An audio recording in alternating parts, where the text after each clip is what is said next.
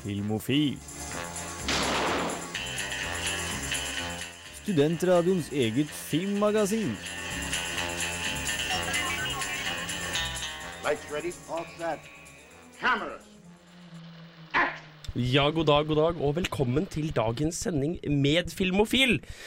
På Filmofil i dag så skal vi snakke om film. Eh, vi skal prate om film, og det er i det hele tatt veldig mye som har med film å gjøre, som er på gang. Eh, Med meg i studio så har jeg Hans? Jan Markus. Trine. Og jeg heter Henrik Hilden Dingel. Den første låten dere skal få, er uh, Sea Calls Me Home av Julia Holter her på Film & Film, på Radio Holt. Ja, eh, vi er Filmofil, og vi har blitt én til! Og det er den største tingen som har skjedd siden sist, nemlig at vi har fått en ny person! En bitte, bitte liten person. Trine. Velkommen, Trine. Hallo. Har du lyst til å fortelle bitte litt om, om deg selv? Eh, jeg er 19. Jeg blir 20. Oui. Yay, og du er fra Jeg er fra Trondheim, så jeg er herifra. Hvem kunne gjetta det på dialekten? Fy faen. Nei, ingen. ja, du, du studerer eh, Filmvitenskap. Det er bra. End, endelig noen med faktisk akademisk kompetanse her på, på Filmofil. Eh, betyr dette at vi skal slutte å mobbe Frida for at hun har gått ett år på dansk filmskole? Nei, nei, nei, nei, nei, nei, nei, nei, nei, nei, nei, nei, nei, nei, nei, nei, nei, nei. For det første fordi det er Frida. Hun har en slags inne, inne, inne, innebygd selvhøytidelighet. Og det blir bare bedre av at hun har gått på dansk filmskole. Hei, Frida, forresten. Hallo, Frida! Hallo! Og de, hvis noen skulle lure, Frida er fortsatt med. Ja, Ingen grunn vi har ikke erstattet henne med en, Nei, med en nei. liten trøndersk 19-åring. Selv om det høres egentlig ganske greit ut. Nei, never, never mind. Okay, greit, never mind. Hva slags film liker du, Trine? Jeg liker egentlig det meste. eh, det meste unntatt skrekkfilm, egentlig. Har du lyst til å få et par eh, quiz-spørsmål på, på farta? Hvilken var beste film du har sett i år så langt? Inside Out. Inside Out, Mm. som ingen av oss har sett ennå. Vi skulle sett. den på kino sammen, og så bare har vi ikke hatt tid. Bård Restad sa jo at det var den eh, nye Citizen Kane. Bård, eh, Bård, Bård Rævstad sa at det var det beste han har sett, og det beste Pixar laget noensinne. Og det kunne jeg kvote han på. Mm.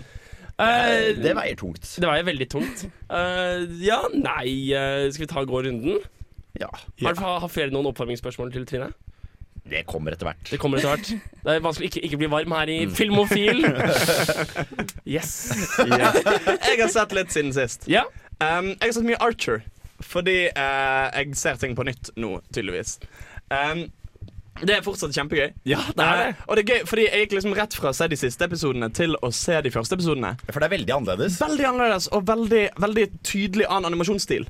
Eh, det at på en måte de, var- de var mye mer rigid og mye mer eh, stillestående.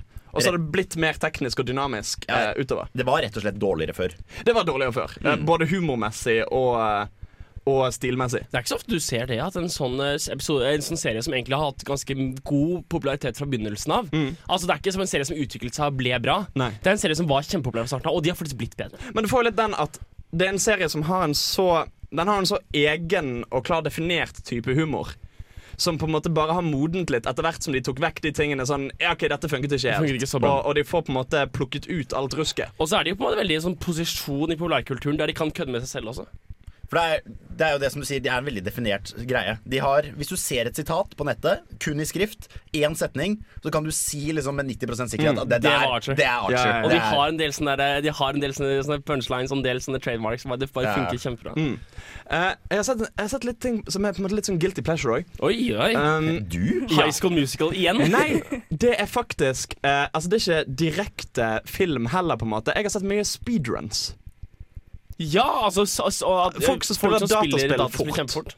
Og det er på en måte Det er litt sånn ting at jeg tenker Å, faen i helvete, er det dette jeg kommer til? Jeg sitter og ser folk spille Det kan være dritgøy. Eh, Det er, kjempe, det er kjempegøy, fordi at altså, altså, du har sånne nerder som sitter og bare ødelegger spill. Ja, Som og bare finner glitcher og finner Utnytter alle glitchene og sånn. Ja, der rundet jeg dette spillet som egentlig er to timer, på 30 minutter. Spiller, Ser du på computer assisted, eller ser du på mulighet for å save? Eller, fordi Det er masse forskjellige types of speedruns. Du, du har de der, har- der, der de kan lagre hele tiden, og hver gang de gjør en feil, så kan de bare loade igjen. Ja, ja. Eh, nei, jeg har sett mye forskjellig, for jeg har stort sett fulgt det gjennom en eh, YouTube-kanal som heter Games Done Quick. Oh. Og Games Done Quick er fantastisk. Det er rett og slett en organisasjon som lager sånne events, altså Awesome Games Done Quick, uh, Summer Games Done Quick. Oh, så kult. Hvor de inviterer folk til å sitte og se på, så har du gjerne en som runner det, mens en tre-fire andre som òg er eksperter på det spillet, sitter og kommenterer. Oh, så fett! Aggregert! Og ikke bare det, bedre. men de tar imot uh, donasjoner til veldedige greier. Kult. Og de samler inn latterlig mye penger. Ja, ja. Den ene bikket liksom en million dollar Jo, men til det- uten grenser. Jeg vil jo tenke at Du snakker jo nå om spill, men Ja. allikevel så vil jeg si at det er mye av den samme kulturen du ser i film. For eksempel Rocky Horror Picture Show. Ja. Der er det folk som ser uh, en film på det liksom, dedikasjonsnivået. At de ser filmen på en måte den aldri var ment å ses på. Og du kan dra det litt, litt i samme slutningen, hvor da folk noen sitter liksom og Kan du ikke bare spille spill istedenfor å fucke det fullstendig opp? Men det er jo det at du elsker noe så høyt at du vil ta det til et nytt nivå og prøve Ja, ja, ja. å liksom utforske alle kriker og kroker av dette her. Og så tenker jeg at Når du ser sånne folk som spiller Å, nå skal vi spille Pokémon i 48 timer for kreft, da er det egentlig mye bedre at nå skal vi spille så fort vi kan for kreft. Ja, ja. Spesielt hvis du får like mye penger. Ja, og, og, de, og de er jo veldig flinke til, Altså Det de er jævla flinke på, er jo det med at de gir insentiver til å donere. For eksempel, de har sånne avstemninger Altså Alle eventene slutter med at de spiller Jeg tror det er et Metroid-spill. Hvor du kan gjøre et sidequest hvor du redder noen dyr. Men det er valgfritt. Og det tar, tar Og- mer tid. Og da er det sånn at Hver gang du uh, donerer, så kan du legge en kommentar. Og da stemmer det sånn enten 'save the animals' eller 'kill the animals'. og det som får flest, mest penger, avgjør hvordan de spiller spillet. Og det er litt gøy, for det heter jo gamification. ikke sant? Det at deltakere i en konkurranse eller noe som ikke er nødvendigvis gøy i utgangspunktet, blir gjort gøyere Ja, ja. ved å gjøre det til, Ja, og de har lek. Og det, og sånn- det, det er morsomt at de har gami gamified gamification. Sant? Nei, og de gjør det masse sånn altså For eksempel du kan stemme på sånn Hva skal de kalle save-filen her? Hva skal du kalle de karakterene og sånne ting. Så de er veldig flinke. Det, det er rett og slett dødsbra. Jeg blir helt sånn glad av å se på det. Vi kommer jo godt i gang her. Vi er ute, ute i god stikklengde allerede. Jo, ja, Markus, eh, fortell meg om ditt liv.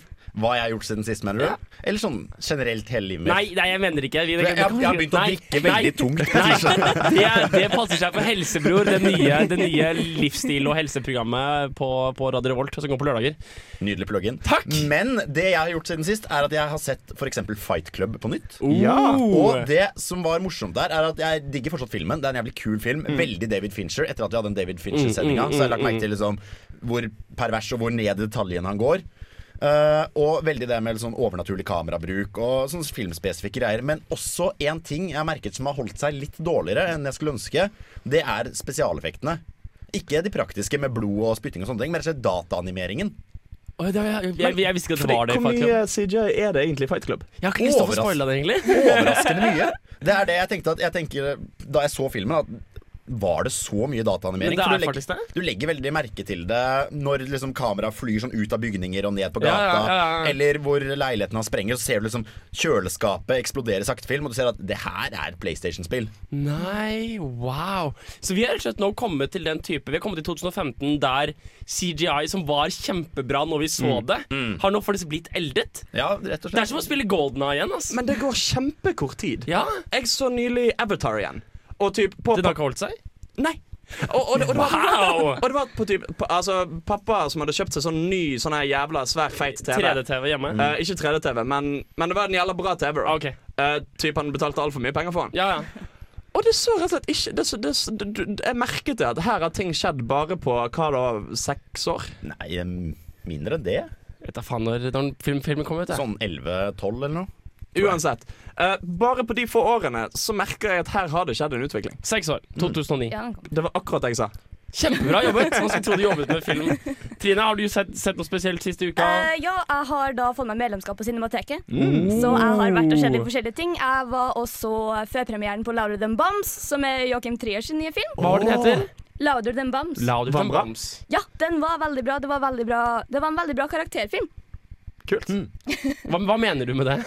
Eh, det, var, det var litt mer fokus på karakterbildinga til en familie som vi følger i filmen. Så kult. Så det var, det var litt mer fokus på karakterer nå enn det jeg har sett tidligere i år i filmer. Ja, Liksom. men Det er kjempebra at du får, så for deg cinematekbrukere, og det setter oss alle til skamme. Jeg har allerede de første, første åtte minuttene ute i, ute i sendingen. Det er, det, er, det er den spiriten vi er, vi, vi er ute etter. Vi må ha noen i dette programmet som faktisk kan film. Ja, det, det, det, Dette kommer til å bli en frisk forandring. Herregud. Kan ikke bare, Fra nå av så legger vi opp sendingen slik at Trine kommer med filmfakta, og så kommenterer vi Ja, på fakta med så personlige meninger og subjektiv bullshit. dette er den dynamikken vi har lett etter hele tiden. Og så Frida, da, som har gått dansk filmskole.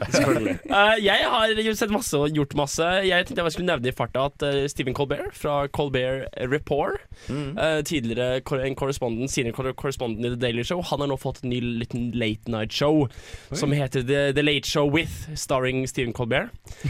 Utrolig gøy, kjempegøy. Han har ve veldig, veldig videreført de tingene som funka fra The Colbert Report. Det er, det er Skal han gi seg med Colbert Report? Han, gitt, han ga seg med det for tre, må tre måneder oh, ja, siden. Og nå i 7. september så begynte, begynte det nye showet. Så det er kult. Gå på CBS midt på data. Men tar han med seg liksom personaen Nei, han har droppet det. Som han sa i første episoden, så sa han at uh, Previously I was a narcissistic Republican pundit. Now I'm just nar narcissistic. Men altså, han har jo på en måte perfeksjonert en måte å være på gjennom de siste årene, som han har beholdt noe av det. Han er fortsatt veldig em, glad i å gjøre liksom overdreven humor og veldig sånn. Men han hadde faktisk et par liksom, skikkelig seriøse øyeblikk. Og det var et intervju med Jeb Bush der han faktisk metakommenterte løpende. Sånn, jeg ser du kommenterer sånn og sånn på dette. Hva har du å si om det? Og det var sånn fett, han kunne, måte, han kunne faktisk gjøre en litt seriøs Yeah. intervjuing også. Tøft. Og så var det et veldig sånn merkelig intervju med George Clooney. Og. En hyggelighet med Scarlett Johansson. Altså, det, det funker. Jeg, jeg kommer definitivt til å se en liten stund på, på The Colbert Report før jeg, før jeg mister interessen. Apropos interessen, dette er en litt kul låt. Eh, Kappekoff har gitt ut en låt. Nå er det ikke så nytt, det er det ikke, men den er kul. Human Touch featuring Mayowick her på Filmofil på Radio Revolt.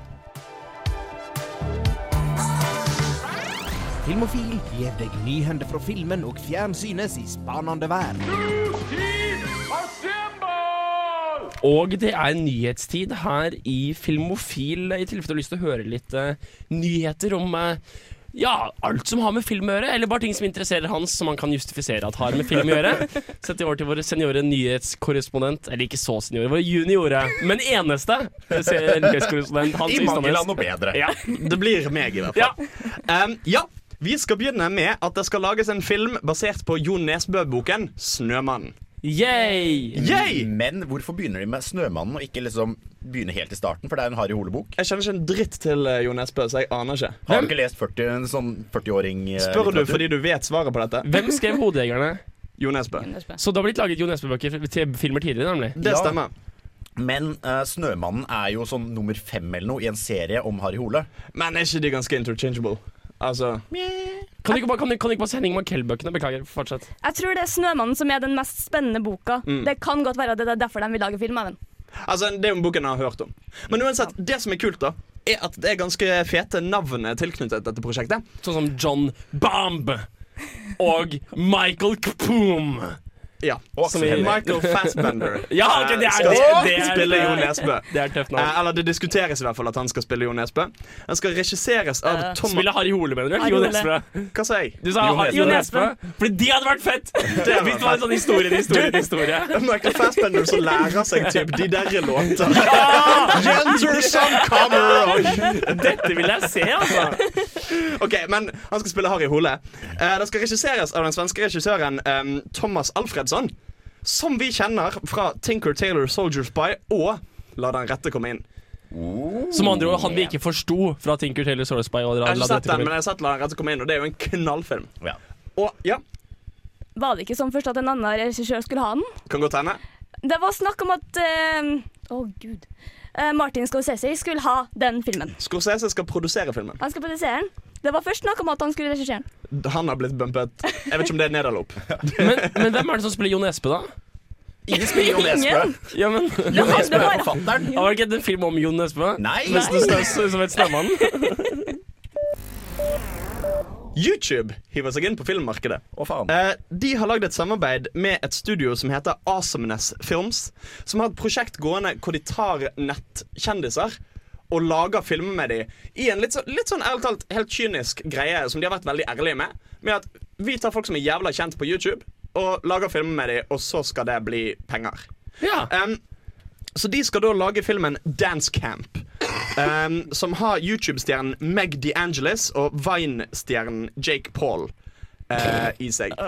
Vine-stjerne er et ord som aldri skal kombineres. Vine er stort. Jo, jo, men han, det betyr at han presterer konsekvent i fem sekunders intervaller. Jo, jo, men, men poenget er fordi um, Jeg leste en artikkel om uh, altså en, et intervju med de folkene som står bak det. Og de er kjempekyniske på det. Altså hele tanken altså For det første, Filmen skal hete Dance Camp. Og handler om en kid som uh, er i trøbbel på skolen, som moren sender han til dance camp for å bli liksom uh, satt litt sånn på plass. Og så eh, skal de liksom dance off med en eh, rivalgruppe som òg driver og danser. Kan de ikke bare kalle det Step Up to the Street 7 Now It Gets Real? Eller et Artig at du skulle nevne det, for en del av folkene som jobbet på Step Up-filmene, Oh, ja. De har Altså, altså skaffet en- profesjonelle. Det blir en dansemusical, men, men de har altså vært. YouTube har gått ut og sagt Hallo, dansevideoene våre på YouTube eh, har millioner på millioner av seere. Eh, dette er folk som har mange subscribers. Dette blir penger. Altså, jeg setter for det første ikke noe spesiell verdi ved at jeg er tydelig på det. Det som, det som, kommer, til å være, det som kommer til å bety noe, er om kvaliteten er der eller ikke. Og sånn sett så er det tror jeg, for mange forbrukere irrelevant hvem som har laget det, eller hva intensjonen deres var. Det er utelukkende content som, som gir seere, og som gir altså, hva alt heter Det er det som gjør det viral. Ja, ja. Eh, Men, det, jeg er overrasket over at ikke YouTube har begynt med det her før. ja selvfølgelig. Men, men, men det skal jo nevnes at, at det er jo mange YouTube-personligheter som sikkert hadde vært gode skuespillere. For de, de har jo en slags mimikk og en kroppskontroll og en evne til å bruke stemmen. Altså, De har jo mange av liksom grunnferdighetene. Ja, noen av dem i hvert fall. Ja, ja. Altså, de flinke av de. Um, Ja. Men kanskje, kan- kanskje for, for eksempel PewDiePie.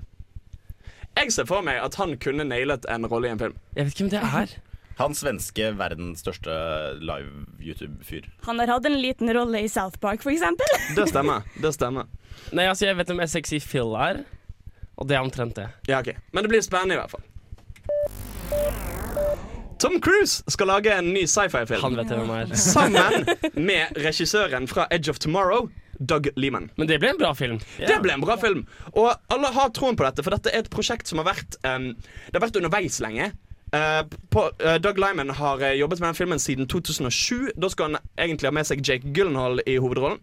Det gikk til helvete. Så i 2011 skulle han hadde både Chris Evans og Andrew Garfield eh, en fot innenfor døren. Det gikk til helvete, for budsjettet ble for stort, og studioet la prosjektet litt på is.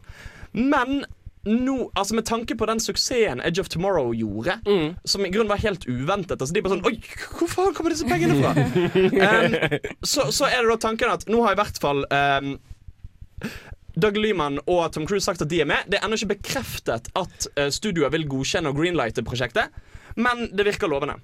Mye løping kommer det i hvert fall til å, Ja. til å bli. Hva er det filmen skal handle om? Du, Nei, fuck det. Løping. Tom, Cruise og løping. Jeg er med. Vi vet veldig lite om plottet foreløpig. Det eneste som eh, er på en måte sagt, er at det skal handle om en gruppe renegades som skal til månen for å stjele en energikilde. Så det blir jo, det blir jo farfetched og sikkert tullete, men hvis det har litt den samme stilen som Edge of Tomorrow, så virker det som det kan bli litt sånn smart og gjennomtenkt. Og så blir det veldig gøy å se Tom Cruise løpe på månen. Det er variasjon. Altså, du har sett han løpe på jorden Ja, ja. i, i, i 1G. Ja, ja. Jeg ser for meg sånn De spenner opp et slags bro fra jorda til månen. Ja. Tom Cruise løper hele veien. ja, hele filmen, det er hele filmen. Det kommer til å være litt mer skuff å se han henge ned fra ting i mindre enn 1G. Ja. Så slipper han, og så driver han liksom skikkelig sakte.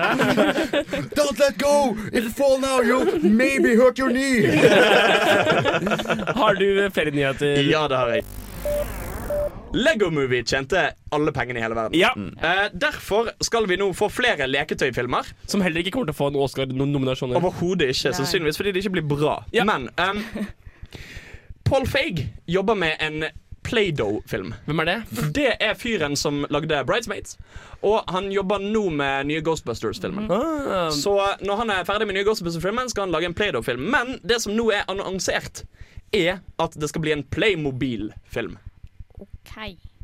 så noen den der speed eh, Den der tullebilfilmen Speed Racer. Speed Racer. Var det faktisk en film, eller var det bare sånn Nei, det, er, terror? det er en film. Det er, Nei, nei, nei, det er en ekte film. Det er mye CGI igjen. No Um, shit. Men det er jo en film av Wachowski-søsknene. Oh, ja. Um, men uansett, um, den har budsjett på 80 mill. Og skal animeres av Bob Persetti, Som er, Eller hodet, han skal ha hovedansvaret for da. Og han jobbet òg på Shrek 2 og Puss in Boots. Jeg beklager for at jeg er liksom tydeligvis amatør i dag, men med, med Trine som kan så mye, så kjenner jeg at jeg glir veldig komfortabelt inn i en total ignorant rolle. Mm. Er det 80 mil mye? Jeg har en følelse at 80 mil ikke er så mye. Jeg tror vi har hatt er, filmer som er over en milliard i er produksjonsverdi. solid. Altså, altså det, er jo, det er jo dollars det er snakk om. Ja, Ja, men jeg, jeg, tror, jeg tror ikke 80 mil er sånn vanvittig mye. Det er kanskje mye til å være en Play-Doh-film. jeg Jeg tror kanskje Star Wars som kommer ut nå, er sånn 200 mil. Ja, ikke sant? Uh, og ja. Men, men, men altså, det, det er en forskjell her i det at Star Wars kommer til å tjene alle pengene i hele verden. Ja. Det vet de ikke om Playmobil-filmen kommer til å gjøre. Særlig med tanke på at Playmobil er jo ganske stort utbredt i Europa. Ikke så mye i USA. Så, så er- de er litt mer sånn tilbakeholdne på det. Ja. Skal vi ta og kjøre en låt, eller har du lyst til å fortelle oss flere Jeg har en bitte liten notis til. Vent. Hvis det Vent. Kan jeg snakke nå? Ja. Eh, det, kommer en, eh, det er annonsert en ny Christopher Nolan-film. Det eneste vi vet, er at eh, Warner Brothers eh, styrer showet. Og den skal slippes den 21. juli 2017. Vi er jo eh, Er vi er, jeg vet ikke, Har vi tid til å bestemme oss for om vi er vagt optimistiske eller vagt pessimistiske til en ny Christopher Nolan-film? Fordi Interstellar var ikke bra. Ik ikke så bra som den påsto å være. Ja, men, Men- de, men- de to siste Christopher Nolan-filmene har vært skuffelser. Hva har det vært? Dark Knight Rises og uh, Interstellar. Nei, men Dark Knight Rises var ikke dårlig. Den var bare liksom ikke Den klarte ikke å være like Var han ikke nyrinnende. det, Var han ikke det Henrik? Var Ja, men Det var jo fortsatt på topp fem av alle eh, Batman-filmer. Det var bare ikke like bra som Batman Begins og The Dark Knight. Ok, greit. I hvert fall. Vi, ok, greit. Eh, du hadde helt rett. eh, Star Trek Into Darkness var omtrent 200 mil i produ- produ- produ- produksjonsverdi. Så da vet du omtrent. Det er en ganske høybudsjettfilm. Noe sånt. Eh, vi skal ta og høre litt musikk. Eh, undergrunnen, eller undergrunnen, det er tødler inne i bildet. Så jeg. Undergrunnen med salighet så svir. Dette er forresten de to minuttene du har til å like oss på Facebook og sånn. Eh, Filmofil heter vi. Det er salighet som svir, fordi vi skal ha norsk film. Den, jeg vet ikke hva det betyr. Hva betyr den? Ja, i hvert fall. Uh, vi har først vært og sett på kino. Ikke alle sammen har vært på sett på kino, men Trine, vår nye person, Yes. har vært og sett på kino. Nemlig en ny norsk film. Ja, Som heter Wendy-effekten. Har du lyst til å si noe kort om den før vi setter i gang med, med anmeldelsen? Nei, egentlig ikke. Altså Det er veldig passende at din første anmeldelse er av samme regissør som Brian Markus sin første Yes. Anmeldelse. ja, og jeg elsket jo den eh, forrige filmen hans, uh, 'Jakten på Berlusconi'. Ja. Så har han klart å ta seg opp? Vi får se. Du må, du må si noe siste, Trine. Det kan ikke være Jan som sier noe siste hver gang. Ja, den, ja. Du, får, du, får, du får høre hva jeg syns, OK? Det, Dere må vite er at Bøler er en bydel med sin egen selvstyrte svarte økonomi. Wendy-effekten er det nyeste i en rekke norske filmer som skal komme ut i høst. Det er den tredje filmen til Ole Endresen, som tidligere har gitt oss 'Jakten på Berlusconi' og 'Kong Curling'. Ole Endresen prøver denne gangen å lage en parodifilm. Men det her er noe som virkelig ikke fungerer, og bare blir rot. Filmen den varer i 1 time og 21 minutter, som høres egentlig ganske lite ut. Eller en ganske grei film, men til tider virker den veldig mye lenger fordi humoren i filmen ikke fungerer i det hele tatt. Dette var ett av flere problemer som ofte dukka opp i løpet av den korte spilletida. Alle har draget på horer. Det er det som er hele forretningsmodellen. Hore.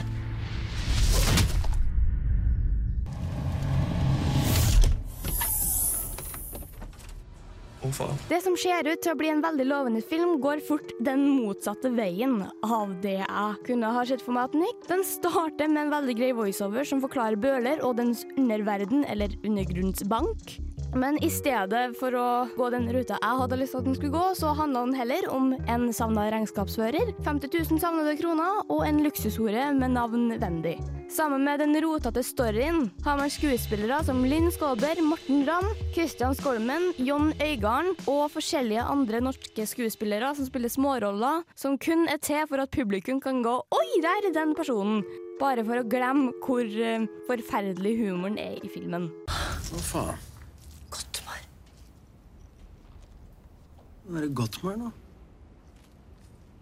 Du står ikke der og er sjalu på en død fyr. Eh, Et problem jeg personlig har med norske skuespillere, er at jeg kun ser skuespilleren og ikke karakteren de spiller. Dette er også et problem jeg har med filmen her. Jeg ser Linn Skåber kun som Linn Skåber, og Morten Ramm som prøver å spille en seriøs økokrimpolitimann, ser jeg kun som Morten Ramm prøver å være seriøs og feiler veldig. En annen grunn til at filmen ikke fungerer, er at den eh, ikke fungerer som en komedie. Det er veldig veldig, veldig billige vitser som gjerne kan fungere på folk i 12-15-årsalderen, som sikkert syns det er veldig morsomt med spyhumor og brekningshumor og litt sånn forskjellig. I en komedie skal du gjerne flire, ikke sant? Det er meninga med en komedie. Under den filmen her så sank jeg bare lenger og lenger ned i stolen. Jeg ble flau over hvor lavt det går an til å synke når det kommer til humor. Det finnes god norsk humor et sted. Det finnes i TV-serier, det finnes i andre filmer, men det finnes ikke i filmen her. Du merker veldig godt på slutten at de trodde de har lengre tid enn de hadde. Alt sammen blir bare rusha inn til et klimaks som egentlig får deg til å sitte igjen med spørsmål om hva i all verden er det som skjedde, og hvorfor gjorde du det der, og var det her egentlig noe vits? Har jeg rota bort eh, en og en halv time av livet mitt? Ja, det har jeg. Systemet det må holdes i gang. Hvis ikke så blir det krakk. Ingen som vil ha krakk. Se på Kypros, altså. Penger inn. Penger ut. Der er det flyt. Der er det flow. Bøler er Oslos Kypros. Men det finnes noen små lyspunkt i den filmen her. Det er veldig fin cinematografi i filmen. Som vil si det er veldig fine bilder, det er grei klipping egentlig, og det finnes veldig fine sekvenser i filmen av og til. Et annet lyspunkt er Christopher Hivjus karakter, som spiller gangsterbossen, eller sjefen for undergrunnsverdenen i Bøler. En grunn til at folk kan like ham, er fordi han ligner på karakteren sin i Game of Thrones, bare litt mer finkledd og litt galere enn han er i Game of Thrones. Men det er kun fordi han ikke får lov til å barbere bort skjegget sitt, som egentlig er en ganske bra ting i dette tilfellet. Han har også en spikerpistol som han er veldig glad i, som egentlig blir høydepunktet med hele filmen.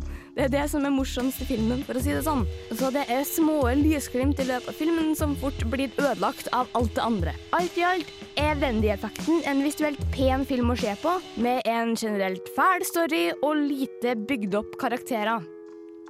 Fordi de har så liten tid og bruker det på alt annet enn karakterbygning.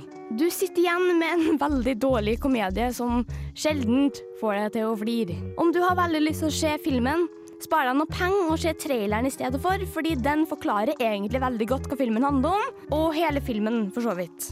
Eller vent til den kommer på streamingtjenester, drikk deg dritings med folk du kjenner, og hakk ned på filmen alt du kan. Det er egentlig rett og slett en veldig dårlig film.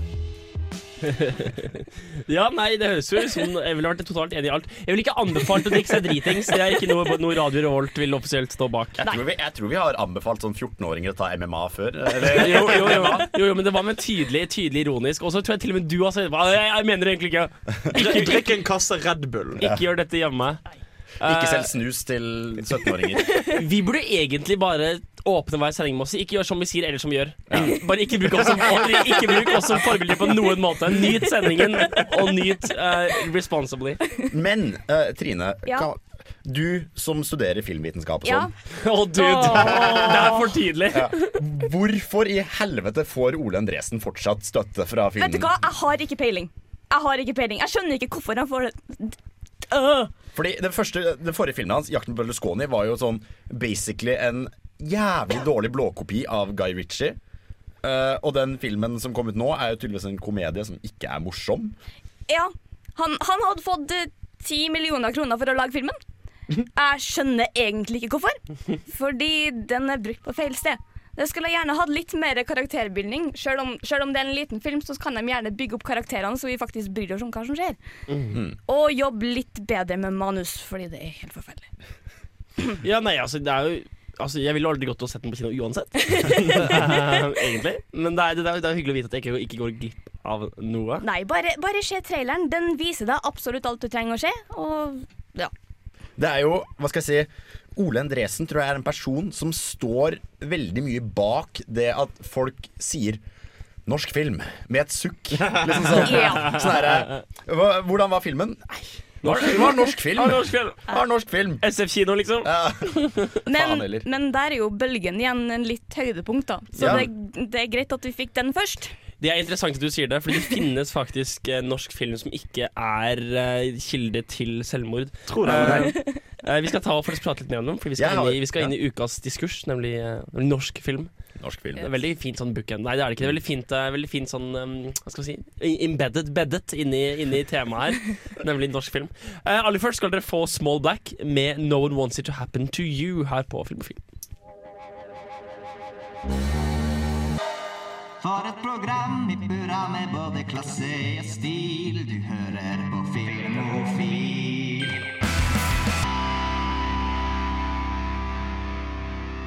Det er tider hvor man eh, ser på kinoaktualiteten og ser på kinohylla eller går inn på viaplay.no, og så tenker man norsk film. Really? Really, liksom?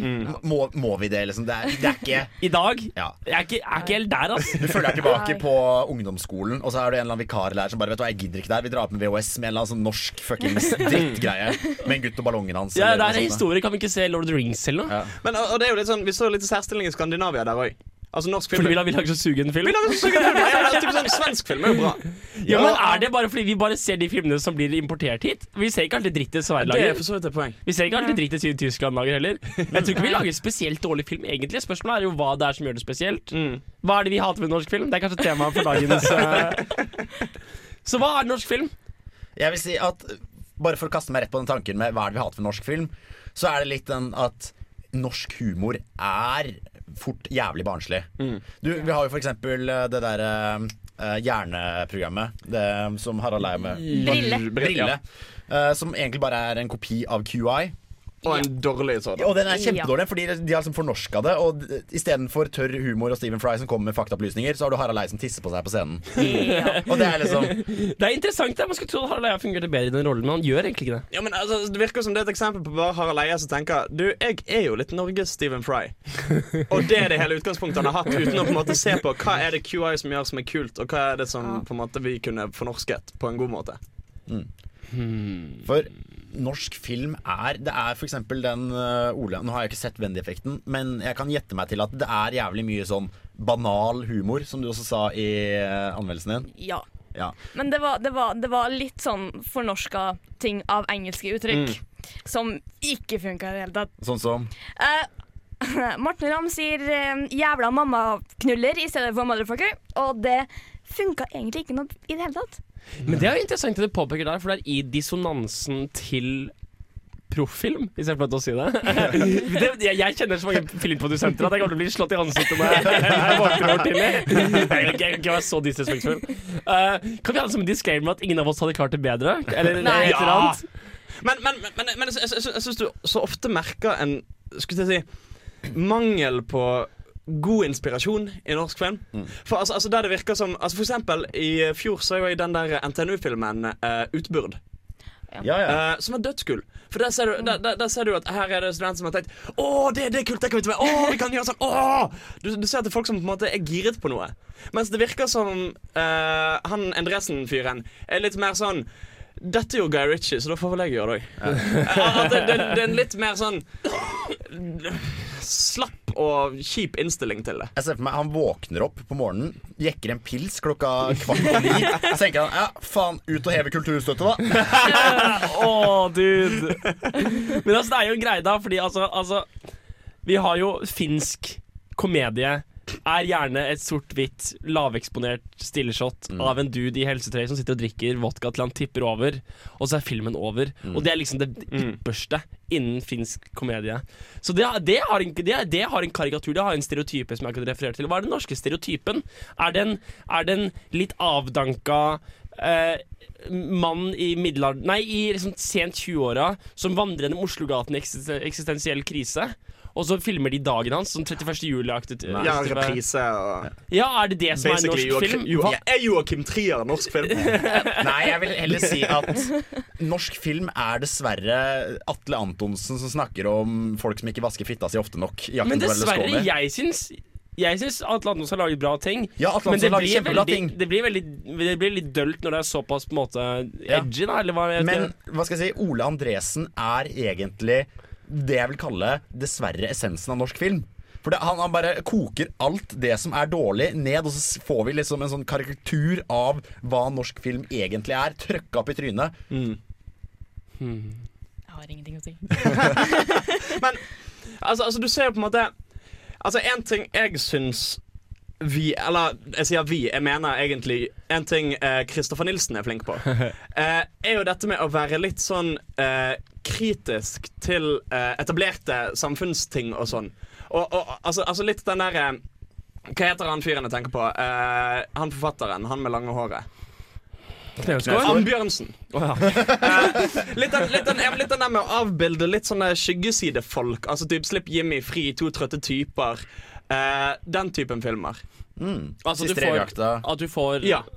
Al altså, altså evnen til å på en måte Til å Altså, vet ikke, altså, det er ikke sånn utfordre det etablerte nødvendigvis, men, men å fremstille folk som en gjerne har for vane å se litt ned på, og gjøre på en måte til en slags udugelige levende punchlines. Sparke oppover fra bånn, rett og slett? Ja! Det, men da, da, da, da, viser du norsk film som en slags samfunnsopplysningsgreie. At nesten alle filmer er bare dramatiserte versjoner av en- Nei, nei, NRK-dokumentarer. nei, men ikke, ikke, ikke sånn PSA-aktig opplegg. Det vil jo absolutt ikke si at noe som helst Kristoffer Nilsen har lagd, er. Men Men Nei, det, det er mer, altså For eksempel, Kristoffer Nilsen har lagd en jævlig kul uh, kortfilm som handler om noen nakne, eh, nakne menn som går i en nedadstigende rulletrapp. Og så bare snakker de om rulletrappen og hvordan de må nå toppen, men de vet ikke helt hvor toppen er, og de vet ikke hva som er der, de bare vet at de skal opp. Og så gir han seg og bare blir sittende nedover, men så blir han engstelig, for han vet ikke hva som er der nede heller. Og på en måte lager en del kule ting som fanger litt måten vi tenker på i forhold til samfunnet og de tingene vi foretar oss, uten helt å vite nøyaktig hvorfor vi gjør det. Det hørtes veldig poetisk ut. Takk. jeg tror jeg må, jeg tror jeg må, vet du hva, jeg tror jeg må, jeg tror jeg må fordøye den der et lite øyeblikk. Uh, vi, vi, vi skal komme tilbake til Hans, for jeg tror kanskje du er inne på noe. De var veldig sinte. Det var veldig sint De heter jo Rodents. Ja, det er, ja, de heter Red Mountains da, egentlig, men låta heter Rodents Ja. her på, på Filmofil.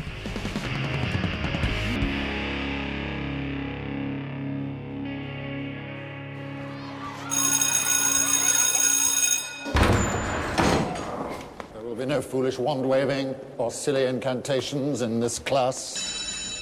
No, okay, that's it for the day then. Today, we have a similar debate over this. Anyone know what this is, class? Anyone? Anyone? Anyone seen this before? Ukens hjemmelekse. Og det var litt den følelsen jeg hadde også når, eh, når jeg fikk beskjed om hva jeg skulle se til denne uka her med De dødes tjern, som visstnok yeah. er en kulturskatt, ifølge dere. Ja, ja, Det var jo som Hans uh, sa da vi så den uh, sammen, at Isbuen. Spoon. Trine var også med. Selvfølgelig. Ja, ja. Alle unntatt meg, egentlig. Ja, du var velkommen, men Du var nei på da. korøving eller noe sånt, piss, du. Ja. Du skal ikke ha andre venner enn oss Nei, heller. tydeligvis ikke. Meg og Jan Markus og Trine hadde et hyggelig øyeblikk på rommet mitt, eh, som nå er nyoppusset. Den En hyggelig filmen øyeblikk. Den varte i en time og 13 minutter. Som by the way er ganske kort til å være en film. ja, ja. Ja. Og den, den slutter jo ganske brått også. Ja, den gjør det. Og det er jo en greie med all- ofte i filmer hvor de sier et eller annet sånn skikkelig markant, og så bare Ja, da var den scenen over! Ja! Men det er, jeg la merke til at den filmen er jo fra 1959, og det var jo en suksess 58. Ja, takk. Eh, og det var jo en suksess i sin samtid. Men jeg merker at når vi ser den nå, så er den morsom, men ikke helt fordi den vil det selv. Det er jo noen spesialeffekter der som er Helt fantastisk. Det var hovedsakelig bare kråka jeg la merke til Stop, stop motion. ja. Og så har du det hele filmen Altså Mye av det foregår om natten. Ja. Hele filmen er innspilt i fullt dagslys. Ja, de, de, de, de, de, de, de, De lampshader det første gang de går ut og bare sånn Nei, hva, kan er si de? Vanvittig godt lys her. Vanvittig godt månelys. Du, bare, du ser liksom sola steiker Du, du har også veldig magiske stearinlys som lyser opp hele hytta. ja. Ja, det var, det var helt spesielt. Fyren tenner én fyrstikk, og det ser sånn 200 watts lyskaster bare. Han han begynner øyeblikkelig å, å svette, liksom. Men en annen fun fact det er Norges eneste skrekkfilm fram til 2003, når Villmark kom ut. Nei! ja. Serr? Ja. Shit. Og det er jo gøy at, altså det er jo en skrekkfilm Altså Jeg fikk veldig Hitchcock-følelse av den. Hvordan da? Eh, spesielt veldig psycho-følelse. Nei, i det at det er noe litt sånn Oi, er det noe litt sånn skummelt? Og, og vi vet ikke helt hva som skjer. Og så er det liksom en litt sånn vis mann som på en måte forklarer alt sammen. Sånn, det er litt sånn der, litt sånn detektivhistorie, egentlig. Litt sånn en fyr som bare sånn Ja, jeg hadde mine mistanker, men nå vet jeg helt nøyaktig hva som skjer. Bli med meg, skal jeg forklare seinere. Mord. Uh, mord. Jeg likte også litt sånn kafkaeske ved at han duden uh, liksom Hva er det som skjer? Hva er det som skjer? Hva er det du holder på med? Nei, ingenting. ing- ingenting du kan bekymre deg for. Hva er det du holder på med? Nei, ingenting. Ja, ja, ja. ingenting, ingenting. Og det er litt sånn, å herregud, kommer det resten av filmen til å være På det tidspunktet så antok jeg det skulle være en fullengdefilm. Mm. Så jeg, det føltes som filmen skulle vare i en time og et kvarter til, når i realiteten bare skulle vare i 20 minutter til. Så da jeg var forberedt på en helt sånn psykologisk thriller, men det var jo ferdig på fem minutter. Nei, det er bare det at han, han som spilte den litt sånn nervøse forfatteren, Ja. det er Henke Kolstad.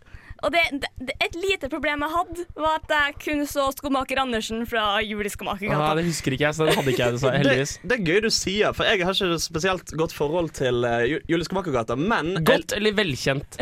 det siste.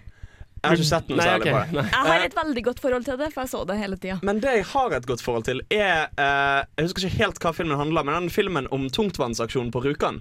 Hvor han òg spiller. Eh, så jeg tenkte det var han hele tiden. Den litt sånn tøffe, joviale norske soldaten. Nei, men Det er jo noen one-liners i den filmen her som er helt jævla fantastiske. Hvor det er sånn Men tror de at det er mord? Og så blir det helt stille. De zoomer inn på ansiktet hans. Ja. Og så slutter scenen.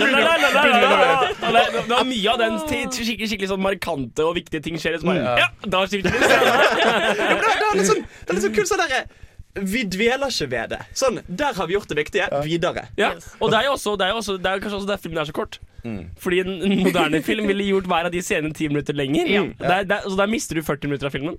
Og så legger du også merke til de tekniske aspektene. For eksempel sånn, å, veldig lite brukt av håndholdt kamera. Vent, det veier sikkert sånn 40 kilo! to minutter med sånn her inne.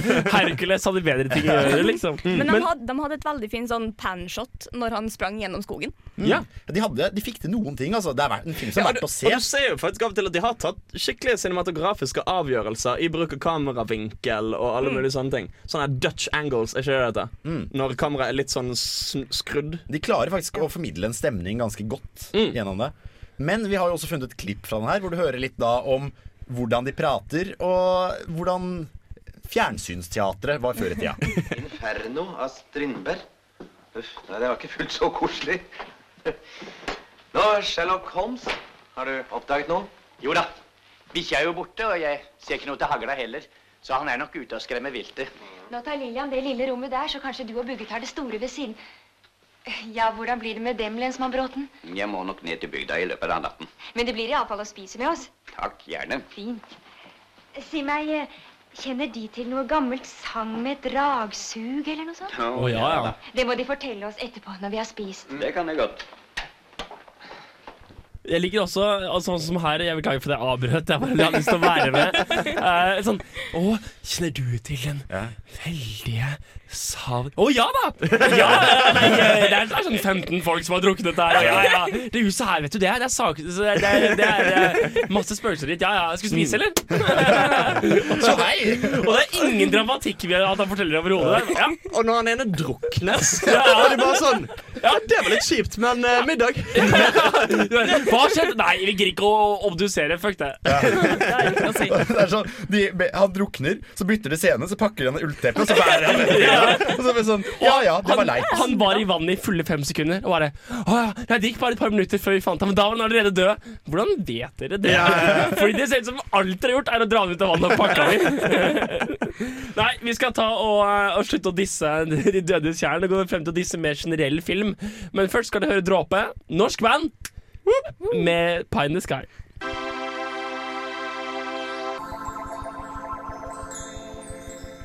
Hans, Ja. kan du gjenta poenget ditt i sted om at uh, norsk film har en verdi gjennom å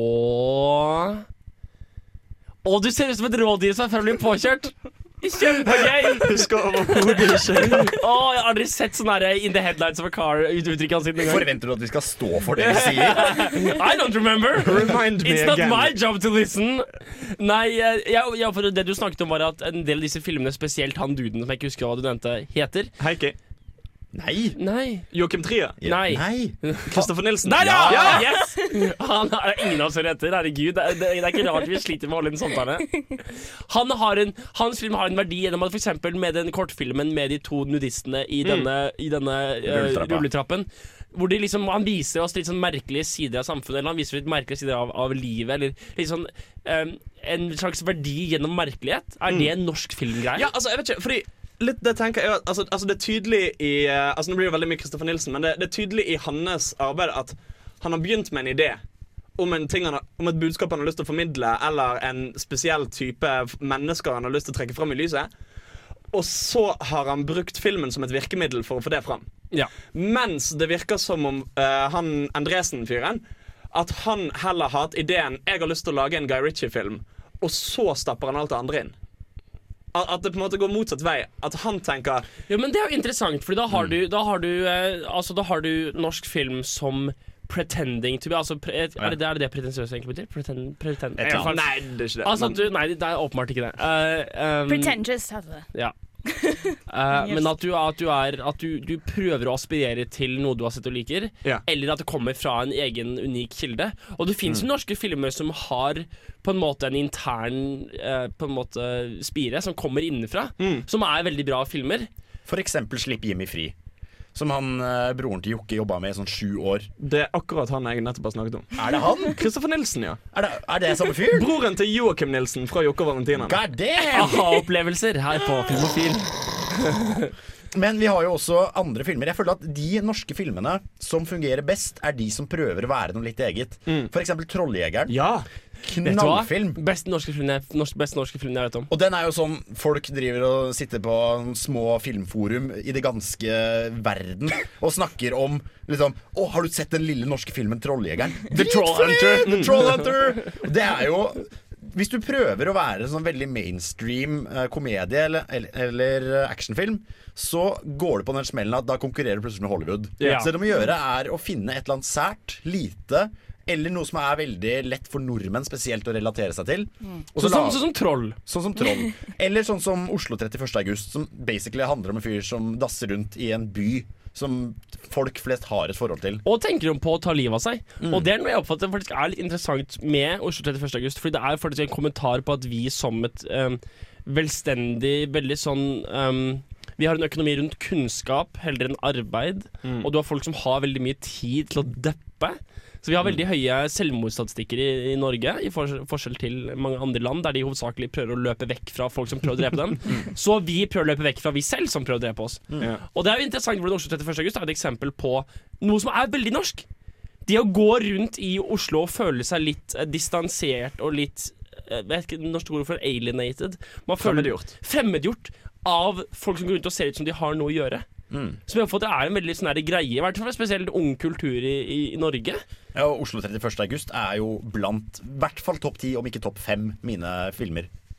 Alt. Og det er jo filmer. da mye moderne film. Altså for eksempel Oslo, eh, Hawaii Oslo har vel litt samme undertone, selv om det er litt mer actiondrevet Mm. eh, film. Eh, så har vi jo to andre typer norske filmer som jeg vet om. Jeg tenker på gammel film, sånn Mm. som Orions belte. Yeah. Som er en gammel og veldig bra film. Veldig krimaktig, er det lov til å si. Med liksom kule depiksjoner av den gamle Oslo. Og samtidig så skjer det ting ute på øyer og masse weirde ting. Du klarer å få inn faren av Nordsjøen og gjøre masse sånne kule ting. Så ikke du en film en gang i tiden som het 'Insomnia'? Å, den er knallbra. Er det en gammel norsk film? Uh, nei, den er fra 2001. Hvorfor nevner du det da, Jan? Jo, men, nei, men For den er også litt kul, for den har noe veldig sånn Jeg jeg vet ikke om jeg vil si at den er veldig norsk, men den er litt skandinavisk. For den ble jo spilt inn i Hollywood og gjorde det dårlig, eller var dårligere. Ja, vil jeg påstå. Eller den er mye mer Hva er det for noe? Hva er Insomnia? Insomnia, det er filmen om eh, Om eh, en fyr, en politimann, en svensk politimann spilt av Stellan Skarsgård, som kommer til Norge, og så blir han innblandet i en sak. Og så er poenget at han er oppe i Nord-Norge og midnattssol og alt mulig helvete, så han får ikke sove. Og så tabber han seg ut og gjør dårligere og dårligere avgjørelser utover filmen, og ting går ganske greit til helvete. Men en ting du merker veldig med norsk film, og da spesielt med Insomnia, eh, hvis du ser på den versus amerikaniserte versjonen, er at du har et veldig moderne forhold, eller et veldig skandinavisk forhold til ting som kjønn, for eksempel. Altså fordi i, i Insomnia så har du en bikarakter som eh, er en kvinnelig politietterforsker.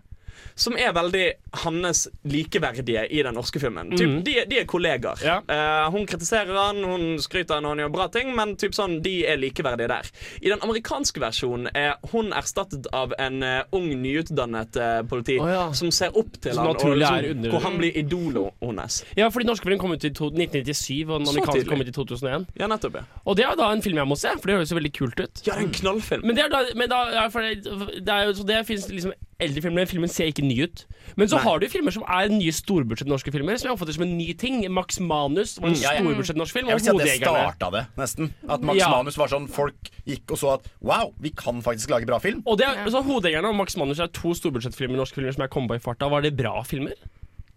Ja. Jeg, jeg, Ja! Tror, jeg tror folk liksom trilla terningen og satte på et øye til fordi den var norsk. Men, men, men, men kanskje den type filmer er litt sånn jo, jo, han er bra, men du ser han, og så tenker du ikke mer over det. Al altså, altså, det er på en måte jeg, jeg vil ikke si noen av de filmene som filmer som på en måte blir ved deg. Jeg vil si at Max Manus var litt Norges avatar.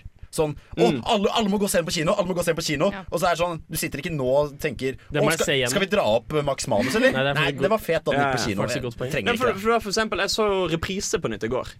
Uh, og den var litt sånn Oi, faen, den fikk Hva er det priser for noe? det, det, Den uh, filmen Joakim Trier lagde før han lagde Oslo 31. august. Ah. Mye av de samme skuespillerne og sånne Mm. ting. Ja. Ja, du nevnte den i sted i sendinga. Nei, men kult. Uh, vi skal ta og høre Ratatat med Nightclub Amnesia for tredje gang. Vi har nå hørt denne her hver uke. Og hvorfor? Jo, fordi Ratatat er kult. Uh, vet ikke helt hva jeg skal si. Det er Filmofil. Vi snakker om radio på Radio Holt, passende nok. Play one, Sam. Det er jo alltid å ha musikk når den er påtent. Helst noe indisk eller pakistansk. Ukas filmlåt. Ukas filmlåt! Ja! På Filmofil! Hei! Hei! Du hører på Filmofil, og vi sender på DAB+, og så sender vi på internettradio. Og så har du mulighet til å høre på oss både på podkast Podcast, ja, på sånn iTunes-ting. Og um, um, Og sånn. Hans, Ja. hvor lenge kan du strekke og snakke om Jompas drep... Hva faen er det vi skal høre på? Jompas drepesang fra? Kill Buljo. Eh, det er ganske gøy. Eh, Kill Buljo, for de som ikke vet det, er jo tøyseparodien på um, Kill Bill. Lagd av Jeg blander alltid Er det Svart eller Virkola? Virkola. Virkola. Eh, lagd av Virkola. Tommy Virkola. Og det er en kjempegøy film. Eh, det er en fullstendig tullete lavbudsjetts idiotisk film. Men han funker for det han er. Og det som er gøy, dette er en sang da skrevet av um, Jeg lurer på om det er et Finnmark-band, faktisk. Banana Airlines. Nei. Uh, Cyanid. De er som den vok litt voksnere utgaven av Black Sheeps fra Melodi Grand Prix Junior. Um, Det er ganske mye rom til å være voksnere enn Black Sheep. men, men, men, men det er kjempegøy, fordi at det er på en måte det, Dette er en film som parodierer veldig mye sånn troper og ting i actionfilmer. Og denne sangen er jo skrevet til han og bare tar det helt ut. Altså Det er på en måte themesongen til hele filmen som bare handler om Nå skal Jompa ut og drepe. uh, og det er på en måte Altså I filmen blir det kryssklipt med Jompa som går ut og sparker ræv på sin udugelige måte. Og Nei, det er dødskult. Det er, det er litt sånn Hva skal jeg si? Det er litt sånn grovt uh, i den forstand at det er jo ikke utdannede musikere akkurat som spiller dette. Men det er veldig ånden til filmen. Det er veldig sånn hjemmelaget. Det er veldig Det, det er mye hjerte i det. Det er dødsgøy. For den filmen her er vel filmet med et budsjett på omtrent 500 kroner og tre sjeler. Noe sånt. Ja. Og masse twist. Ja. Ja, ja, ja. Masse twist! Skal vi ta og høre låta, eller har du noe hvilken, hvilken, hva, hva, hva skjer i filmen når, den, når denne låta spilles? Eh, jeg mener dette er når eh, Jompa kjører snøscooter. Og dreper. Ja, Og fordi dreper. Kill Bill er en sånn samevoldgreie. samme Kill Bill. Stemmer. De kom og skrev Eh, meg. så dette er cyan cyanid med Jompas drepesang.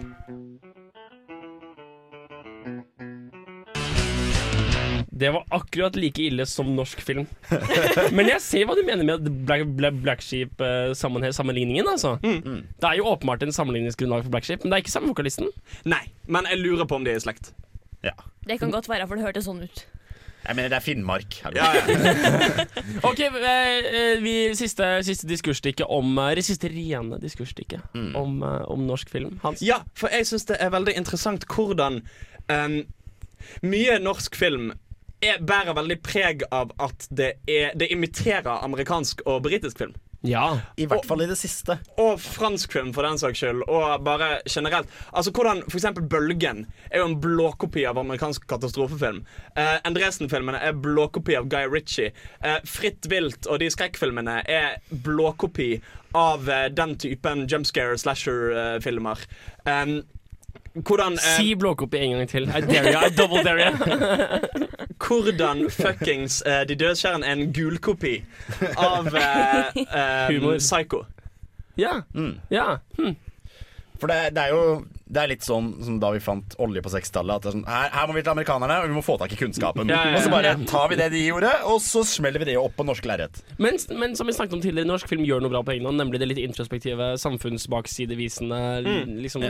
Når folk klarer å holde seg for god til bæsj, tiss og promphumor, så si, vil jeg si at f.eks. filmer som Mot naturen, Som eh, den litt ukjente Ole Jæver-filmen. Jeg tror vi kanskje så sammen, Hans. Det var du og Henrik, tror jeg. Ja. Jeg ser ikke forskjell på dere uansett. Men der er det jo en fyr basically eh, som løper i fjellet og tenker. Tenker høyt. Og det er omtrent det som skjer i hele filmen. Ja. Mm. Dritbra. Det er Kjempeflott film. Onani på et tidspunkt, og penis. Eller for eksempel Elling-filmene. Jeg, jeg husker ikke de lenger. Og de er kjempekoselige. Som handler om en litt sånn rare, kanskje Aspergers Ja, eh, Elling, som bare går rundt og på en måte får noe ting til å gå rundt litt En på sin tidlig, måte. en tidlig eh, Jeg holder på å si eh, en fornærmende ting om en norsk kjendis. La oss droppe det, faktisk. Jeg angret før jeg sa det høyt. La oss istedenfor snakke om hvordan denne sammenligningen og denne etterapingen av amerikansk filmkultur gjør at det blir veldig tydelig hvor stusslige de filmene er, fordi vi ser liksom at å ja, det Mm. der er filmet på Asker. Ja, ja. Jeg kjenner igjen Oslo-lokket, dette er ikke kult, og dette er ikke en film. Fordi jeg kjenner igjen både stemmene, Mm. språket, manerismene, området, og det er ikke mulig for meg å bli dratt inn i denne filmen her som en, som en fantasi. Jeg blir hele tiden dratt ut av filmen, fordi den trikken der satt jeg på i går. Mm. Vil det si at norske filmer har et handikap fra begynnelsen av, fordi det er umulig for oss å ta det seriøst? Men altså, vi har jo litt det problemet at det er Altså, det er jo få skuespillere i Norge. Eh, ja, men, ja, det er det. jo, fordi, altså, altså, vi, vi, vi lager jo lite film, Ja. Og da er det på en måte Det er ikke arbeid nok til at vi kan ha kjempemange skuespillere. Så du har liksom Du har jo den klisjeen med at sånn Aksel Hennie og uh, fuckings Kristoffer Joner og Sundquist er med i alt. og det er jo rett og slett fordi at de må være det, fordi det fins ikke Det er de eneste som, kan ta, som, som det, det jobber finnes- nok til å ta finnes ikke nok jobbtilbud til at de kan ha flere. Og da får du litt det problemet med at Å ja, så der er Aksel Hennie igjen. Al al- altså, altså, det blir bare sånn Hva er det Aksel Hennie finner på denne gangen? Aksel Hennie Wacky Hijinks. Jeg hadde sett det. Men jeg tror, jeg tror det beste norsk film egentlig kan gjøre, og som de sikkert allerede gjør, det vet ikke jeg nå om, det vet sikkert du, Trine, er å bare kaste masse penger på grasrota og gi penger til sånn uh, inspiring filmstudenter. Er ikke det Så- bra? Jo, som da bare har en kjempeidé, og istedenfor at oi, vi må lage en film, har noen idé, så sier de vi har en kjempeidé, vi trenger noe penger, kan vi, bare sånn, vi, vi skal ja. lage den beste filmen fuckings ever. Og jeg har jo hatt flere uh, venner i filmproduksjon som har hatt kortfilmer på type Kosmorama og andre kortfilmfestivaler. Som Eh, Minimalen, Som. Minimalen var egentlig den jeg tenkte på originalt. Uh, og det har jo vært, det har jo vært kult. Altså Det har vært filmer som jeg ville likt å se som bruker fem minutter på å se på YouTube. Mm. Det blir litt ødelagt at jeg kjenner folka som er i jo. filmen, men det er ofte liksom Det har noe verdi ofte. Og det er ikke liksom det samme som en norsk storfilm hvor jeg er litt sånn Å, du kan du ikke bare la Michael Bay ta seg av denne type sjanger, liksom. Jeg foreslår at istedenfor å gi Ole Endresen 10 millioner til, så deler vi opp de i 20. Så gir vi 500 000 til masse sånne smågrupper med studenter Ja. og Ja. enkeltfilmmakere som løper rundt med et eller annet kamera i skauen og tenker introvert. Mm. Og så får vi kanskje fire bra filmer ut av det. Fordi den, den filmen som han snakka om i stad, som det er jo et par fra NTNU som har laga. Utspurt. Ja. Og læreren min, han, eh, han kjenner dem. Så han snakka litt om hvordan de spilte inn filmen, og sånn, og hvordan de har fått inn penger, og hvordan de hadde kameravinkler og sånn. Mm. Og de spilte jo oppe i Bymarka, oppi, oppi her. Jo, for for det, det som var gøy med den filmen, er jo at den er jo altså, altså klart Rent teknisk så var det mye av den som var svakere enn ved norske storfilmer. Mm. Rett og slett fordi det er folk som ikke har så mye erfaring og mengdetrening. Mm. Altså typ Noen av kameravinklene var litt sånn uh, Mye av dialogen var litt uh, Og skuespillprestasjonene var kanskje ikke helt der. Men, men det var en sånn sjel i det. Mm. Du på en måte kjente at dette er folk som har blitt inspirerte, som har tenkt dette skal vi faen meg få til, nå skal vi lage noe kult, noe bra. Som jeg føler mangler i mye. Og da blir på en måte Jeg synes hele imitasjonsgreien fungerer jo f.eks. i Trolljegeren, når, som er veldig sånn found footage. Vi kjører litt sånn Blair Witch Project-aktig opplegg. Mm. Men vi har en jævla kul original idé. Vi har mange fete ting vi skal gjøre underveis. Det blir et jævla kult prosjekt. Og så er Trolljegeren faktisk Altså De gjør faktisk et par ting dritbra. Mm. Altså Første gangen han, han går ut der i denne rustningen sin med liksom den bøtta med blod og en geit Mm. Eh, og liksom nå skal jeg prøve å fange den, så tenker jeg at okay, nå, er det liksom, nå er det fight or flight moment fra denne filmen. Kommer den til å gjøre dette spennende eller ikke? Og så kommer du og hjelper meg en troll og hiver han rundt sånn skikkelig. Og du sitter og ser på filmen og bare Oi! Shit! Og det, er, det, det, det, gjør, det gjør vondt å se på han bli banka opp av trollet, liksom, og det der kan mulig ha gått bra, og så videre og så videre. Og fra det øyeblikket så er du med i filmen, fordi de klarte å komme seg over den lille kneika av troverdighet. De klarte å lage det bra nok til det. Og jeg føler det er mange norske filmer som ikke kommer seg forbi det. Men det klarte f.eks. Hovedegerne fint, de klarte Max Manus fint, de klarte å få til de spesialgreiene riktig. Ja, ja. Så det er liksom balansen, da. Bør du som norsk film få lov til å prøve Eller få lov til, er feil, det er kunst, men bør du prøve deg på ting som hvor vi kommer til å bli revet ut av det fordi du kommer aldri til å klare det bra nok, den ene tingen? Bør alle sammen bare være Ole Jæver som går rundt og filmer og tenker høyt? Eller bør, bør, bør norsk film få lov til å prøve seg på ting den ikke kommer til å klare i 20 år til, før vi klarer å få noe bra til? Jeg vet ikke. Altså, jeg, jeg er enig i ideen om at, om at 50 filmskapere bør få en del av summen istedenfor En sånn halvmislykka film. Fordi han har av en eller annen grunn blitt et navn som bare OK, fortsett å kaste penger på han. Men Tomme tønner var jo kul, var den ikke det? Jeg har ikke sett den. Nei, ikke jeg, Men jeg har jeg, hørt jeg har sett den, og den er sånn Jeg har ikke noe behov for å se den igjen. Så noen Burning? Burn? Burning? Ja. Var det bra? Jeg likte den. Hvorfor det? Eh, Det kan være fordi at jeg liker biler. Ja, jeg liker også biler, men jeg Så- husker at jeg skudde den av midt i. Men det, jeg likte Agnes Båsmo Christiansen i den.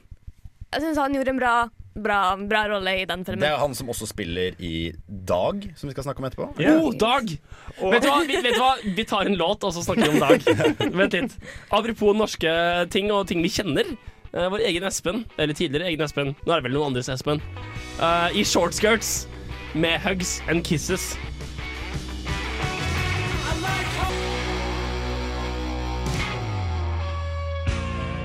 Hei! Hei! Det er ikke 90s sitcom-flashback. Ta og Skru på noe annet. Ja, bedre, men prøv igjen. Der, ja! Ahem. Filmofil presenterer ukas serie. Og jeg kjenner den låta. Den bare tar meg rett tilbake til de mørke vinterkveldene oppe i Indre Troms, hvor jeg satt og så Dag med en kompis. Og det var liksom Det var vakkert, og det var Det var da jeg forelska meg i den serien. Ja, for det er noe med TV-serien Dag som gikk på TV2. Jeg merker den stemninga. Den bare skyller over meg med en gang jeg hører låta her. Gikk og gikk. altså Det begynner jo en ny sesong nå Det begynner jo en ny, ny sesong nå neste uke, som vi skal kanskje lure oss med på pressevisningen til. Det hadde vært helt fantastisk. Ok, eh, Vi har hatt Dag før for noen år siden, og det er, fordi det er en veldig bra, veldig bra TV-serie. Det er en norsk TV-serie med Atle Antonsen og diverse andre folk. Blant annet eh, Hva heter hun, sekretæren? Agnes Kittelsen. Agnes Kittelsen, Mm. Som er utrolig sexy, psykotisk uh, Og hun eh, Tuva Novolsk et eller annet. Noe sånt. Hun som er egentlig polsk, men og har flytta til Sverige, men tydeligvis også snakker flytende norsk. Fordi- Spiller òg i Smala Sussi, Ja. blant annet. Og eh, Dag er, eh, er eh, TV-serien om Atle Antonsen som fungerer som, som Samlivsterapeut. samlivsterapeut. Og hans utrolig depressive skråstrek sinte liv. Og hans kompis. Mm. utrolig udugelige fyllik rundpuler. Og Han har et navn også. Ja, Anders Båsmo Christiansen vant jo gull... Benedikt. Benny? Benedikt. Benedikt. Han vant vel Gullruten for den rollen Ja. sånn to-tre år. Og det som er med Dag, er at jeg begynte å se på det. Jeg tror jeg var hjemme i Oslo eller noe sånt, og begynte liksom å se på uh, Begynte bare å se på det på en eller annen natt. Og så bare Det var så jævlig bra. Det er litt den derre hvor du ikke får åh, norsk film, men åh, norsk serie. Og så, Ja. det sånn, så får du den Faen, det her, det her det, det er ikke bare bra til å være norsk serie. Det- Det, det- er, bra, ja, ja, det er bra punktum. Dette er noe av det beste jeg har sett. Og jeg, jeg begynte liksom tekste folk sånn Å, har du sett Dag? Du må se Dag! Du må stå opp! Jeg beklager klokka fire at jeg beklager det riktig, men seriøst!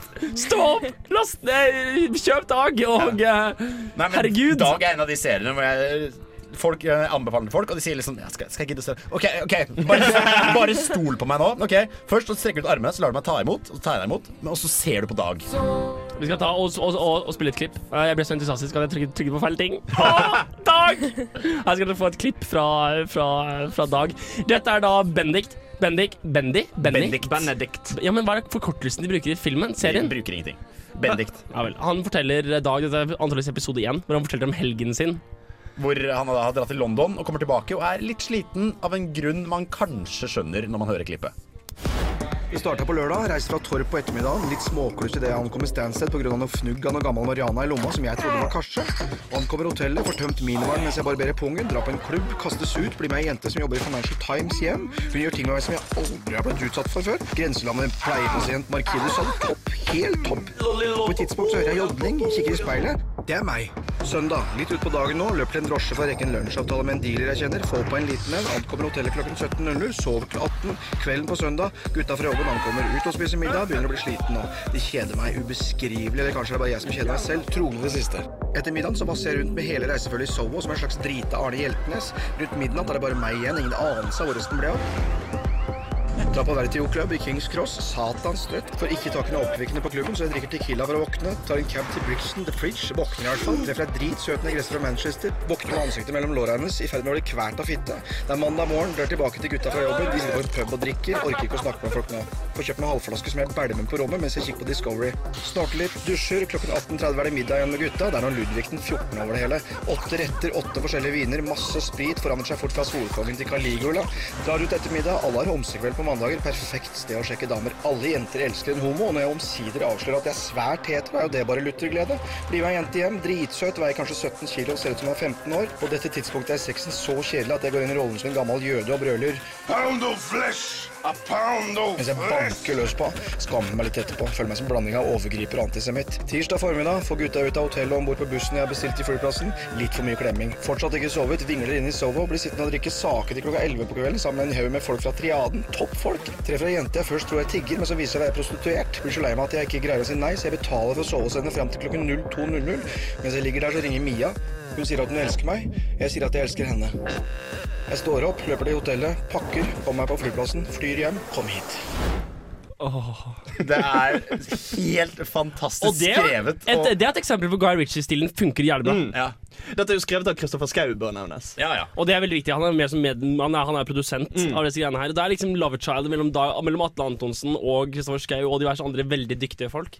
Og, og det er på en måte Du merker det veldig altså på en måte hvordan Altså I den der De som hadde Tim Antonsen sammen, de og så Bå- Bård og Harald, Mm. så merker du at de er de som har den litt mer sånn alvorsbetonte eh, innfallsvinkelen. Altså Harald Eia kunne aldri skrevet dette. Nei.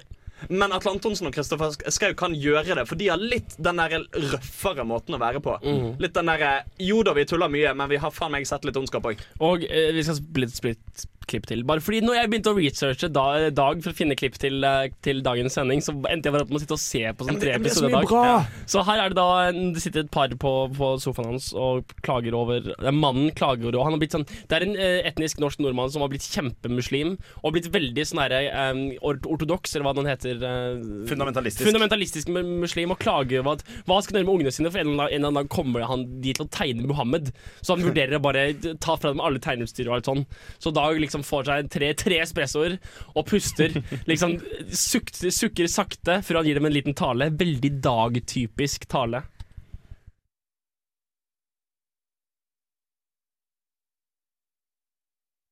Jeg lover deg at det skulle vært noe her.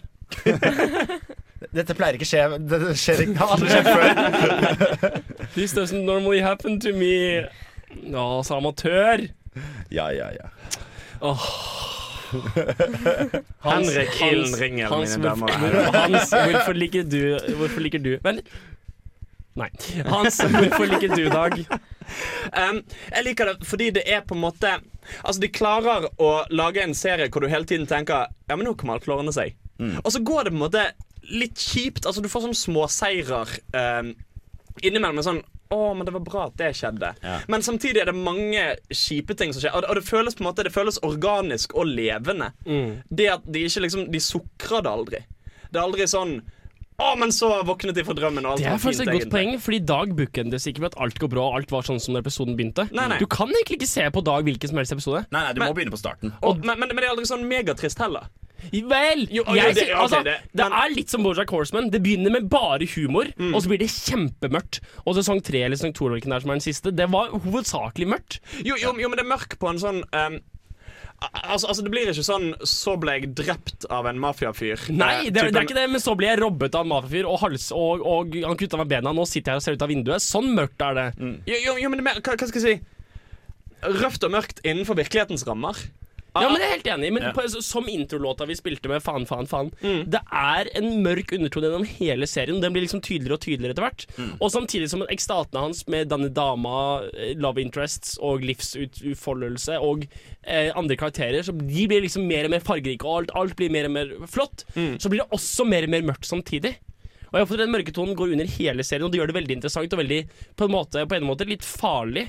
Fordi du føler at alt som går bra, er bare på knirkanten at det plutselig ser ja. galt. Og, og jeg synes, og, altså, alt det på en måte Alt det ekstreme og hy- morsomme og sånn får bærer litt preg av at du skjønner at karakteren Dag syns jo ikke dette er morsomt i det hele tatt. Nei. Altså, altså Sånn som den, det klippet som skulle spilles av vi, vi, nå, har jeg, ja, ja, ja, nå, har, nå har jeg funnet igjen. Ja, ok, men Da kan jeg introe det, da. Ja! Der er det jo så gøy, fordi at det er jo et kjempemorsomt klipp. Men du merker så tydelig at karakteren Dag syns jo ikke dette er morsomt. Han, synes, han er bare lei. Han syns Ja. det er idiotisk Ja. og kjipt. Nå får du klippet med sin helhet, med de to folka i sofaen først også. Jeg er redd for at de skal tegne profeten.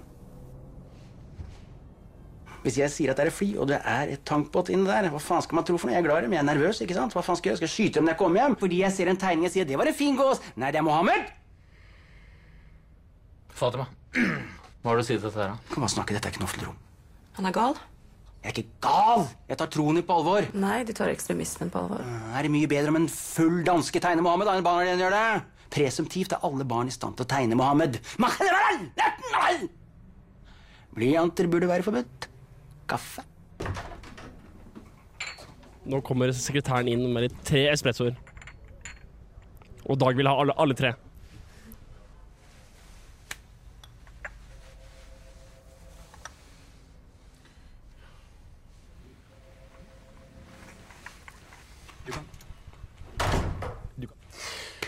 Ja.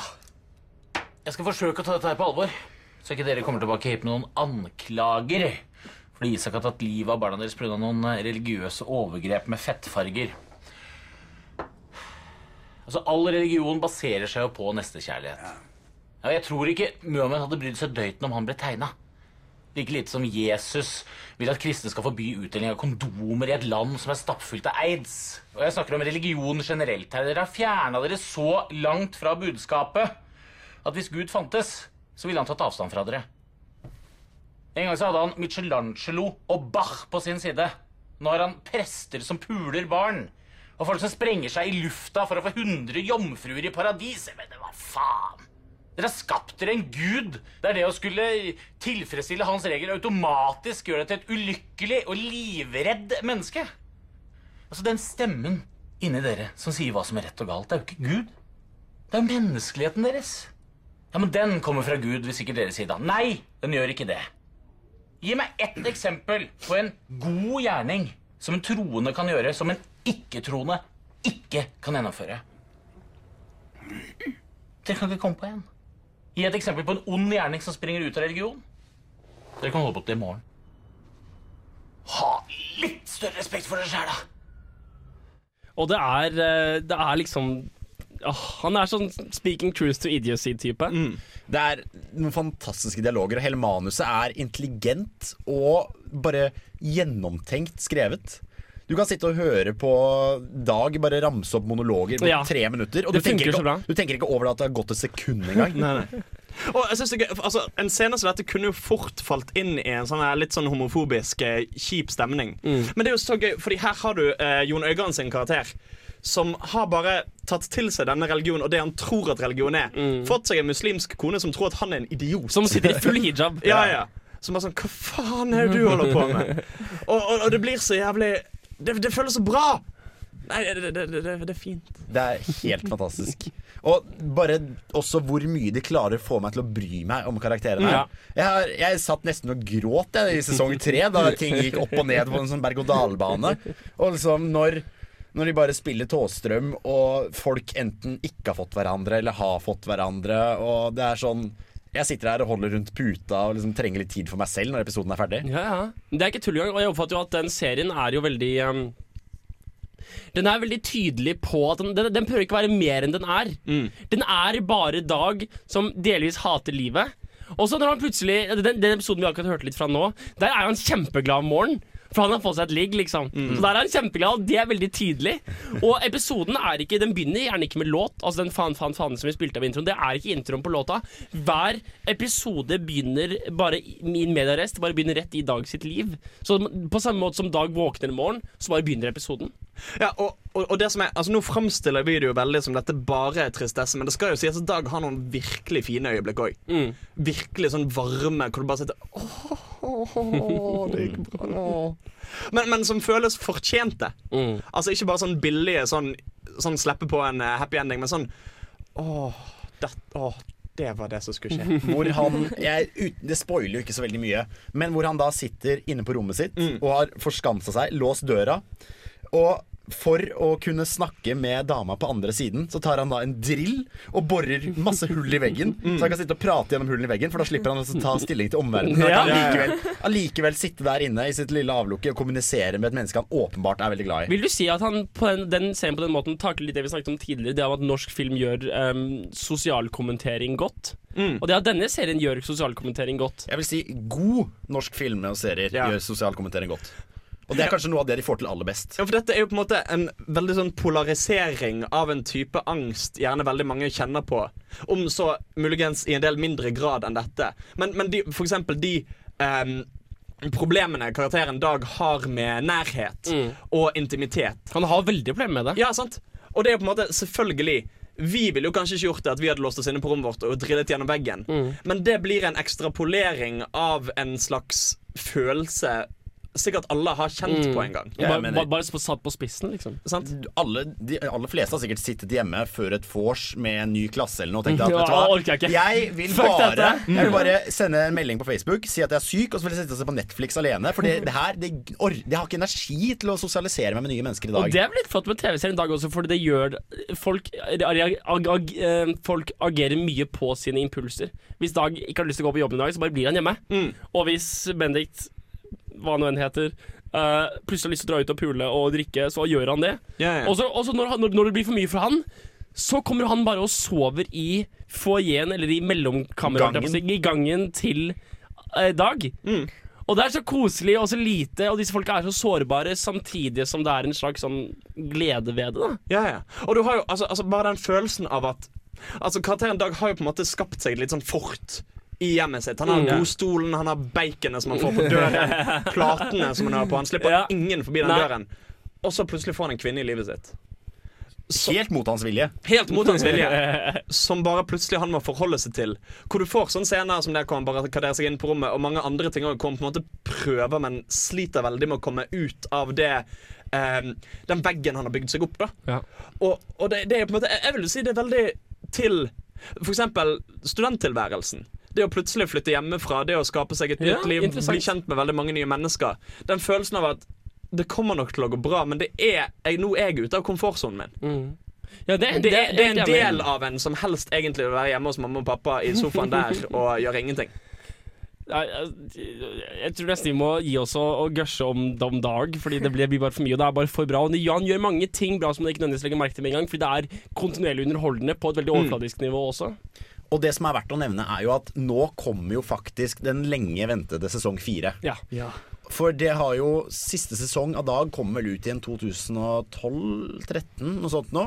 Og så har de da latt det vente på seg, og nå har de lovet at sesong fire fordi sesong tre avsluttet egentlig veldig god måte. De kunne latt det ligge der. Mm, de så jeg, jeg håper, ettersom jeg elsker serien en Dag, at de virkelig har klart å holde løftet om at sesong fire blir den beste sesongen. Ja, også at de har noe å komme, ikke bare at det var Ja, ja. penger eller whatever. Så eh, da kan du se på TV2 Sumo, alle tre sesonger. Og, Det eh, har vært ute på Netflix tidligere. Jeg vet ikke om det Ja, fortsatt ja, er men det er det sikkert. Det ligger, alle tre sesongene ligger på Netflix. Godt plukket opp. Da vet jeg hva jeg skal gjøre neste uke. Ja, Ja, da- Trine, du dette blir hjemmeleksa for deg. Ja.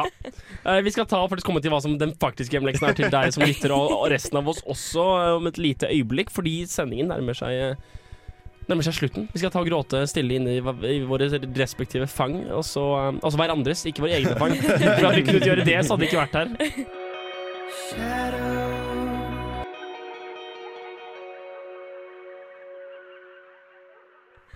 Der fikk du uh, The Motion av Burns. Det var dagens uh, filmofilsending du har uh, hørt på. Forhåpentligvis eh, har du hørt på den fordi du liket oss på Facebook og fikk opp en link til podkasten vår.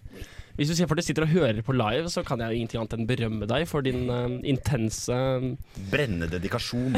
Ja, det er mer enn hva vi gjør, liksom. Du, får, du, får ikke moren, du, får, du får ikke moren min død bak en DAB-radio for å høre på de greiene her. Jeg, vil, jeg håper at de jeg ba og, Høre på.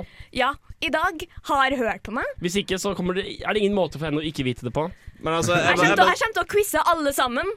Og det er tre høye, staute karer i Filmofil som kommer til å Snakk for deg selv. grunnhjule deg hvis Men ikke hva er, hva er hjemmeleksa Godt du sa det. Eh, Vi skal snakke om Young Adult, og det er fordi den nye Maze Runner-filmen kommer ut neste uke. Så skal vi ha Young Adult-sending. Da skal vi snakke om Young Adult-filmer. Hjemmeleksen er Hva bestemte vi oss for? Hole.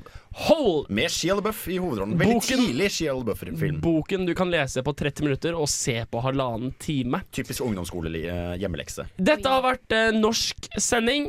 På norsk, passende nok. Kan glede dere til indisk sending. Det kommer bare til å bli gøy. Eh, det har vært Henrik Ildringel. Hans Ysternes. Jan Markus Johansen. Trine Mogård. Og vi takker så mye for at du hørte på. Og jeg hilser til Frida også, som ikke er her. Vi, vi, vi klarte oss, overraskende nok. Dere skal få Beglomeg med Audi Cologne. Ha det bra.